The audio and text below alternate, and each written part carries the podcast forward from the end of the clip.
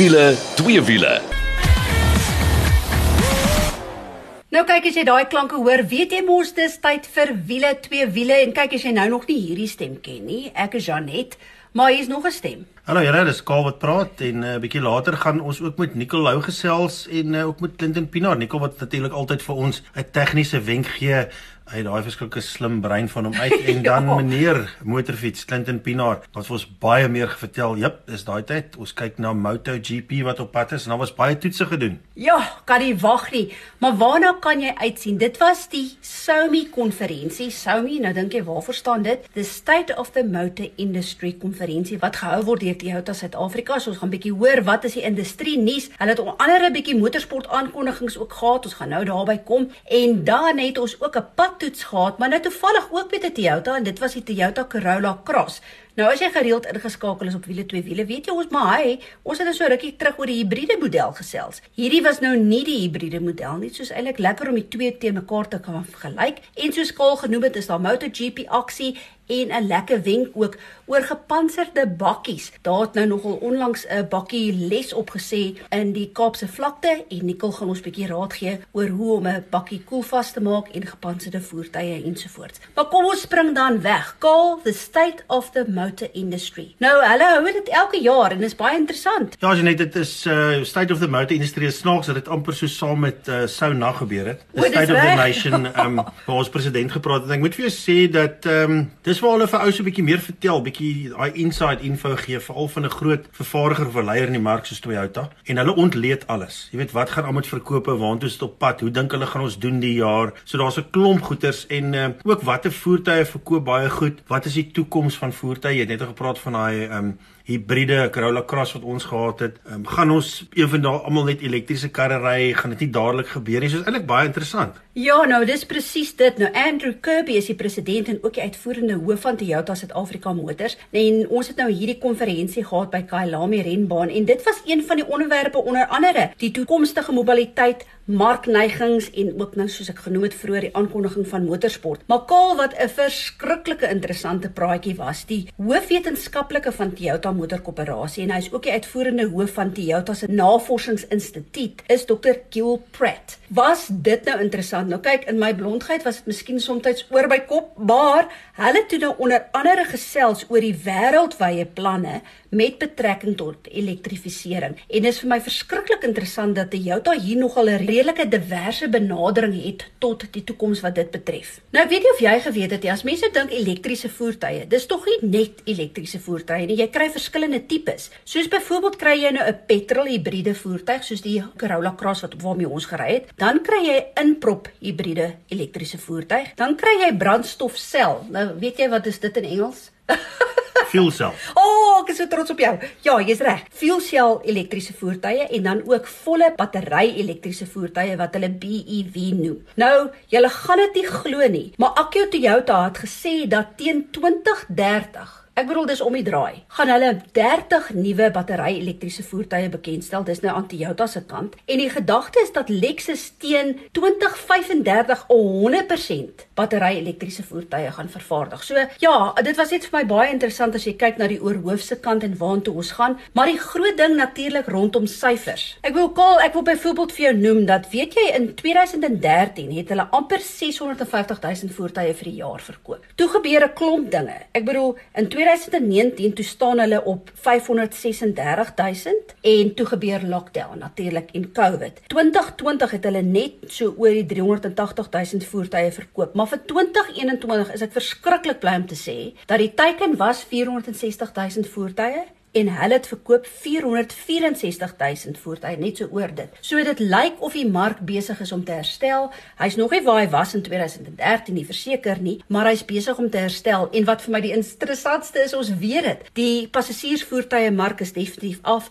Jou ligte kommersiële voertuie is op, maar die grootste gros lê in die besigmentvoertuie. Amper daar het hulle omtrent 'n 80% groei gehad. Kyk, jy net die groot ding is wat 'n ou moet verstaan is dat weet as jy 'n nuwe kar soek, soek jy 'n nuwe kar. Ek dink daai lus is altyd daar en uh, 'n uh, woord wat hulle in die motorindustrie gebruik is buying down. So waar jy miskien 'n uh, Fortuner sou gekoop het, koop jy nou 'n RAV. Ja. Jy hoor, maar die lekker ding is, is omdat hierdie karre so gelaai is met spesifikasies. Is hy miskien hier en daar 'n bietjie kleiner en hy kan nie alles doen nie, maar hy het nog steeds al die luxuries in wat jy wil hê. So in jou kop voel jy, hey, ek kry nog steeds 'n klomp kar. Ja, nee presies. En 'n klomp kar byvoorbeeld is reeds daai Corolla Cross. Maar voor ons by die padtoets van die Corolla Cross kom en ek gaan vir jou 'n bietjie syfers daar ook gee hoe fantasties hierdie kar doen, veral omdat hy plaaslik vervaardig word in Durban, het hulle 'n bietjie motorsport aankondigings ook gehad, onder andere 'n GR Junior Akademie. Nou GR staan natuurlik vir Gazoo Racing. Ons ken die naam Leroy Polter, hy's 'n motorsport veteraan. Hy begin nou hierdie akademie vir jong jaars. Enigiets van tussen 9 jaar en 15 jaar waar hulle basies renstelle, so dis 'n karting program waar hulle jong ryers vat en hulle gaan hulle verder ontwikkel. Maar dan was daar nog 'n aankondiging. En uh, ek het laas week so bietjie die aap uit die mou uitgelaat. Of sal ek dit so sê, dit was eintlik Philip Kakana Maar, Kol? Ja, daar's 'n splinter nuwe verwikkeling en uh Toyota het besluit met hierdie groot Gazoo Racing dryf wat lê of hierdie GR brand wat hulle regtig daar buite wil kry, uh om 'n GR Cup te hê en uh daar's 'n hele paar interessante name van joernaliste wat hulle genooi het om deel te neem aan hierdie. En daar's 'n sekere dame wat so 24 jaar terug ook vir Toyota gery het in 'n Toyota pakkie en al die goed. En uh, ja, sy sit hier langs my. Janet, ja. is jy op jou senuwees? Is jy opgewonde? Kyk, daai karretjie, weet ons ons daarvan gepraat, daai kar is vuller as die wildtuin. Gaan lees 'n bietjie op oor daai GR Yaris. Jy sê sommer sien, daai's nie 'n speelding nie. Jy gaan vir ons lekker foto's en goed sit. Absoluut. Van jou met jou TT, jou Toyota Tazz. Dis reg. Wat jy daai tyd gery het in die Stanik groep en ek dink daar's 'n klomp ouens wat dit sal onthou as hulle nou ons ouderdom is. En ja, nou is jy in hierdie lief ek wil daai kar is bittermooi. Kyk jy moet 'n draai oh. gemaak op wiele twee wiele se Facebook bladsy. Dit gaan daar vir jou pronk en ehm um, dit, dit lyk sommer so internasionaal mooi. Dit lyk amper soos 'n WRC kar as jy my. Verstaan jy? Ja, en dit is 'n GR Yaris. Wie hy kaal, ek kan nie vir jou begin sê hoe ek voel nie. As jy nou gereeld ingeskakel is, jy dink maar waarvan praat julle nou? As jy nou nog nie my agtergrond ken nie, dit is so. Ek sê altyd ek so bly ek het 'n passie vir wiele en nie vir kos maak nie. Kol, jy weet ek. ek spesialiseer in toemiddels noodles en my agtergrond is ek het letterlik ek het karre gejaag jare terug ek het motorfietsse gejaag maar nou onder andere vir 2 en 'n half jaar het ek vir Toyota gery in wat hulle genoem het die groep N produksiemotors. En hier 24 jaar later word ek gevra om amper as 'n ou tannie agter die stuur van 'n GR Yaris te klim en saam met vyf ander joernaliste verskillende bane in die land te gaan aandurf. Ek is so opgewonde man dit voel vir my of ek sommer weer my 20s is. So nee dit gaan fantasties wees en die hele doel hiervan is presies dit. Dat jy amper 'n standaard kar kan vat jy sit vir 'n roll cage in. En jy kan gaan jaag soos wat die GR Yaris kom met daai oh, pragtige 1600 turbo 3 silinder klank van hom met daai fantastiese suspensie maak dit vir jou moontlik om dit te kan doen. So ek wil sommer vir jou sê as jy nog nie jou hande op 'n GR Yaris het nie of as jy een het, man, dan moet jy eintlik vir Toyota kontak want hulle wil reeds die klas ook oopmaak. So hou dop, die eerste ren gaan by Kilani wees. Ag man, ons gaan Swartkop toe, Red Star toe, ons Londen toe, PE toe, ons gaan oral wees. Gaan loer bietjie op ons Facebook bladsy. Dis wiele twee wiele. Ja, Kal en jy gaan na die kinders kyk. Ja nee, dis definitief so, maar as jy net ek wil nou sê dis nou genoeg hiervan. Voor ons nou oorgaan na die Corolla Cross, wil ek net noem vir die ouens wat ek dink ons praat nou alles net Toyota vandag. Hulle was eerste met 'n klomp van die goed wat hulle gedoen het. Ek dink hulle het met die Dakar weggespring en net nie opgehou nie. So daar kom 'n klomp baie interessante toetse op. Daar kom Audi e-trons op, daar kom BMW. Uh, ek weet daar is Chery het 'n nuwe Tigo uit Dis en reg, uh, Volvo elektriese Volvo voertuie. elektriese voertuie kom uit. Daar is regtig legio goed wat nou deurkom, so jy moet definitief ingeskakel wees. Daarvoor ons gaan uh, natuurlik self by van die goed wees. Ons gaan die Engelsman stuur. Nico gaan by 'n paar dinge wees. So uh, baie opwindende jaar en die ouens spring nou regtig uit die blokke uit. So ek kan nie wag om bietjie met van die ander fabrikante en goed ook te praat en kyk wat hulle in die mou voel nie. Ek is uh, ook uh, binnekort op die splinter nuwe Polo, die ja. kar wat die beste verkoop in die land. Uh, se bekendstelling en dit lyk vir my ek gaan 'n overall aantrek en so 'n bietjie help bou. So ek kan 'n spanner so as ek moet. So moenie uh uh dink as jy dalk een kry waar ek ietsie moet vasdraai, hy gaan uitmekaar uitval nie. Ja nee, nee, ons vertrou jou, ons vertrou jou. So ja, daar is regtig geweldig baie nuus wat op pad is. So bly tog ingeskakel. En kom ons sluit dan nou net ook af die eerste gedeelte van ons program op ons padtoets van die week. Nou ons het tydens die Desember vakansie het ons lekker rondgerits met die Toyota Corolla Cross, maar die hibriede voertuig. Ek was mal oor die hibriede voertuig, maar nou is ons die gewone 1800 petrol gehad met sy CVT radkas en jou onmiddellike gevoel? So net weer eens, baie spasie, goed afgewerk aan die binnekant, 'n regte klaskar. Ehm um, jy weet baie fabrikante deesdae uh, golf dieselfde goed. Jy dink aan die Suzuki Brezza en die Urban Cruiser en daai tipe ding, maar nou klim jy in hierdie Corolla. En wie word dit my regtig dink aan daai tipiese Corolla gevoel. Hy's hy's solied aan die binnekant. Hy het alles wat jy nodig het. Ry baie lekker, goeie hantering, maar gevoel van spasie. En ek sê dit weer, ek wil X192 lank en ek voel baie gemaklik binne in die kar.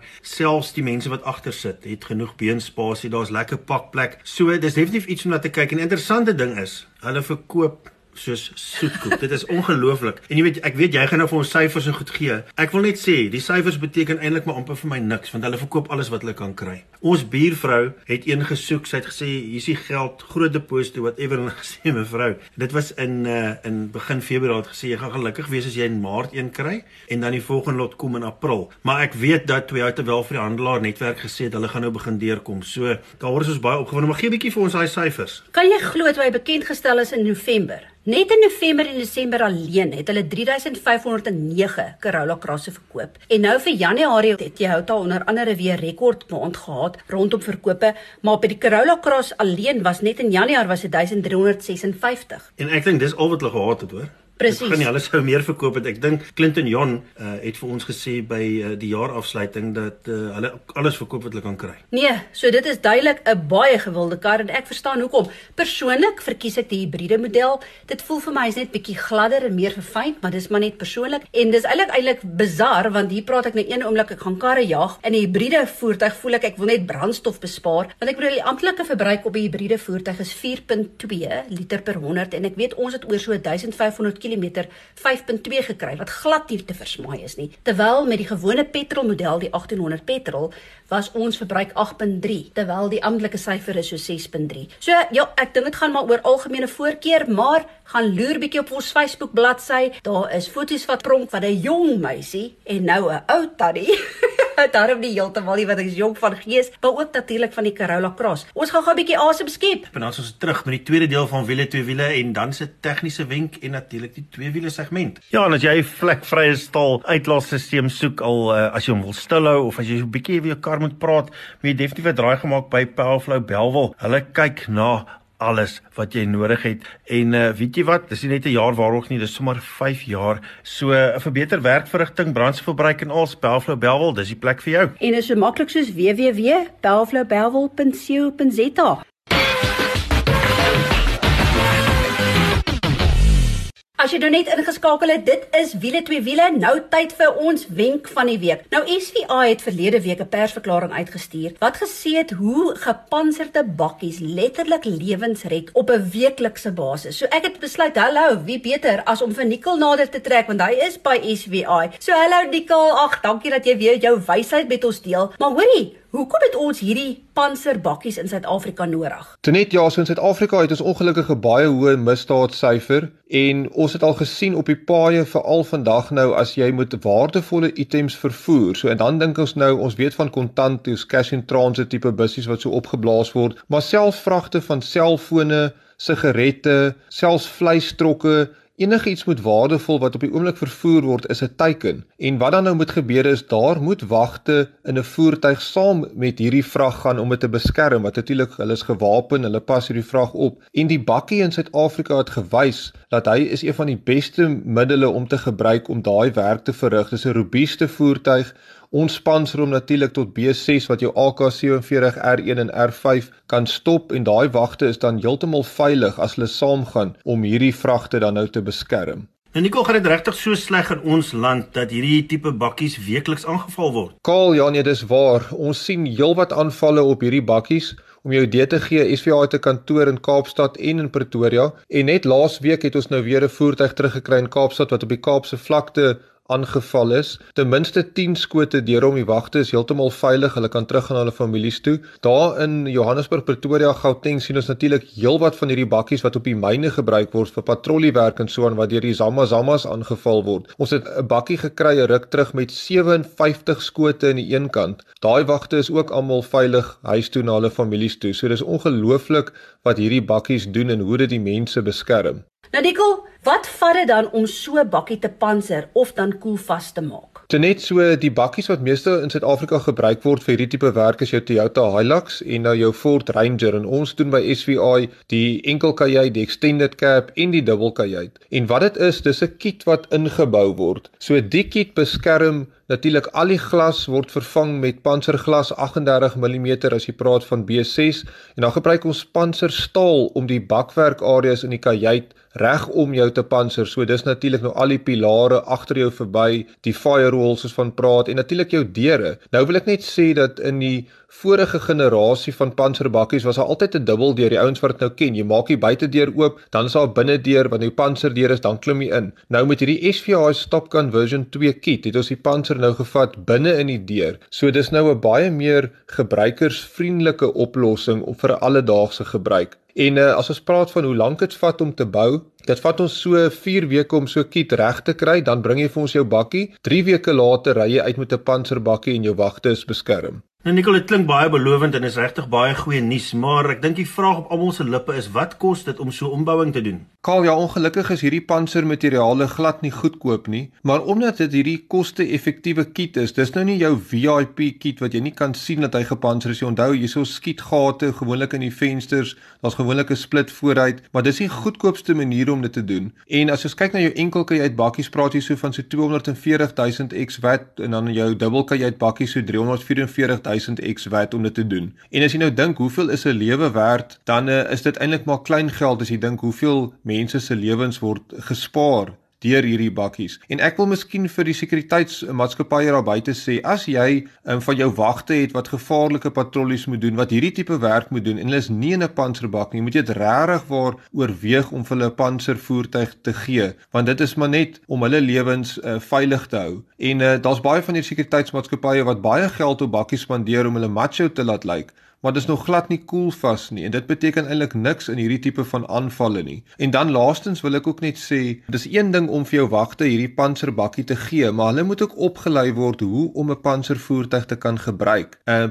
takties te kan gebruik, verstaan, want kyk daar's 'n bietjie gewig wat bygesit word op 'n dubbelkajuit praat jy so van 650 kg. So die ouens moet weet hoe om so 'n bakkie te hanteer, hoe om dit te gebruik, hoe om takties te wees. Maar SVI het ook 'n bestuurskursus wat ons aanbied wat 'n week lank is wat vir jou teorie verduidelik. Jy doen prakties wat jy op 'n skietpan is, afroad. Jy doen al hierdie tipe van pit manoeuvres wat jy so op die TV sien en dit is net om die ouens gemaklik te maak dat hulle weet hoe om so 'n voertuig ook te kan gebruik. So ja nee, die panserbakkie bakkie in Suid-Afrika doen fantastiese werk om misdaad te beveg en om ons wagte veilig te hou. As jy nou wil weet hoe jy jou bakkie kan panser, is dit so maklik soos besoek www.svi.co.za. Nicole, dankie daarvoor. Nou is dit eers tyd vir twee wiele en ons twee wiele man Clinton Pinaar van Katie Imperial hou ons mos altyd op hoogte van al die twee wiele nuus. Hallo Clinton, ag man, is so lekker om weer met jou te gesels en jy het vir ons lekker twee wiele motorsport nuus. Hi Cole, hi Janet. Is weer lekker om hier weer julle te wees. Nou die dakker is nou al lank in vergete, maar ons het verlede keer al iets genoem van Joey Evans wat sy storie met ons gaan deel hier op wiele twee wiele. Vertel vir ons. Man ja, so ons het 'n hele paar mense gehad uh, wat gery het in die Dakar selfs soos jy nou self oor was, maar uh, my hart lê maar by die twee wiele en uh, hierdie keer het ons Walter de Blanche gehad. Hy het so 'n paar jaar terug probeer gaan en hy het nie klaar gemaak nie en dis waar sy storie met Joey eintlik begin het. Hulle was in dieselfde span en in elk geval hy het hierdie jaar gegaan en hy het klaar gemaak en ons het hom gekry om by ons net aan te kom praat met uh, al ons kliënte en uh, ons het so 'n bietjie van 'n braai gehad en ek dink het so 110 mense gehad wat oorgekom het. Um, ons het in 'n lekker uit mekaar uit gespasieer met COVID en uh, dit was net lekker om te hoor direk nadat hy dit klaar gemaak het oor hoe sy ervaring was. En uh, Joey Evans het ook sommer afgevlieg om hom ook die aand uh, met ons te deel. En uh, net goeie nuus vir die luisteraars. Ek het nou so 'n bietjie met Joy gepraat en hy gaan in die toekoms sommer van die volgende keer af gaan hy so 'n bietjie meer vertel van hoe sy storie was met Dakar en hoe hy en uh, Walter ontmoet het op die span en ook so 'n bietjie meer van sy keer toe hy dit gedoen het oor hoe Walter hom gehelp het en dan net hierdie keer dat hy definitief daar wou gewees het toe Walter nou uh klaar gemaak het. So dis nog wel 'n mooi storie en dit sal ons volgende keer vir julle bring. Kyk, die ander ding is ons kan nie wag vir die MotoGP seisoen om te begin nie, veral met ons twee Binder broers wat daar deelneem. Wat is nuus in die MotoGP kringe? Ja, kyk, die eerste wedren is altyd begin in Maart, so dis die 6de Maart in Qatar om die baan Losail, maar uh die toetsery is vuur en vlam aan die gang en uh ek dink as ek net vir julle so 'n bietjie kan sê wat gebeur in die in die wêreld. Ek het so 'n bietjie na al die spanne gaan kyk en uh byvoorbeeld, ek sou sê Quartararo is nou die huidige kampioen en sy kontrak eindig nou op die einde van 2022. Maar daar's klomp ouens wie se kontrakte eindig in hierdie jaar en soos hulle in die verlede altyd gedoen het, is die MotoGP sommer hier in die as die seisoen begin het, dan begin hulle al hulle spanne regmaak vir die volgende jaar. Ek stem amper nie daarmee saam nie want dit veroorsaak 'n tipe van 'n ding, jy weet hierdie ou ry nou vir hierdie span en volgende jaar gaan hy nou ry vir die volgende span. Gee sy beste, maar ek dink in die wêreld van MotoGP, dis so 'n professionele ding. Daar is nou klomp ouens wat vinnig is, maar daar's baie min spesiale spesiale ouens en ek dink daai spesiale ouens word redelik vinnig deur die fabrieke opgesnap. Hoorie, dis nou baie interessant. Dis eintlik iets wat ek nie besef het nie, maar nou klink dit, hoe voel Quattararo nou dan oor die 2022 M1 Yamaha? So Quattararo sê dat die fiets op die limit, die 2022 M1 Yamaha hou hy nogal baie van dat hy voel dat die fiets die potensiaal het alhoewel op die pylvlakke was hy nog steeds iets soos 12 km stadiger as wat die ander fietsse was. Sy spanmaat Morbidelli is redelik gelukkig met die fiets alhoewel hy nou reg is na sy ongeluk voel hy dat hy nog nie 100% op dreef is nie.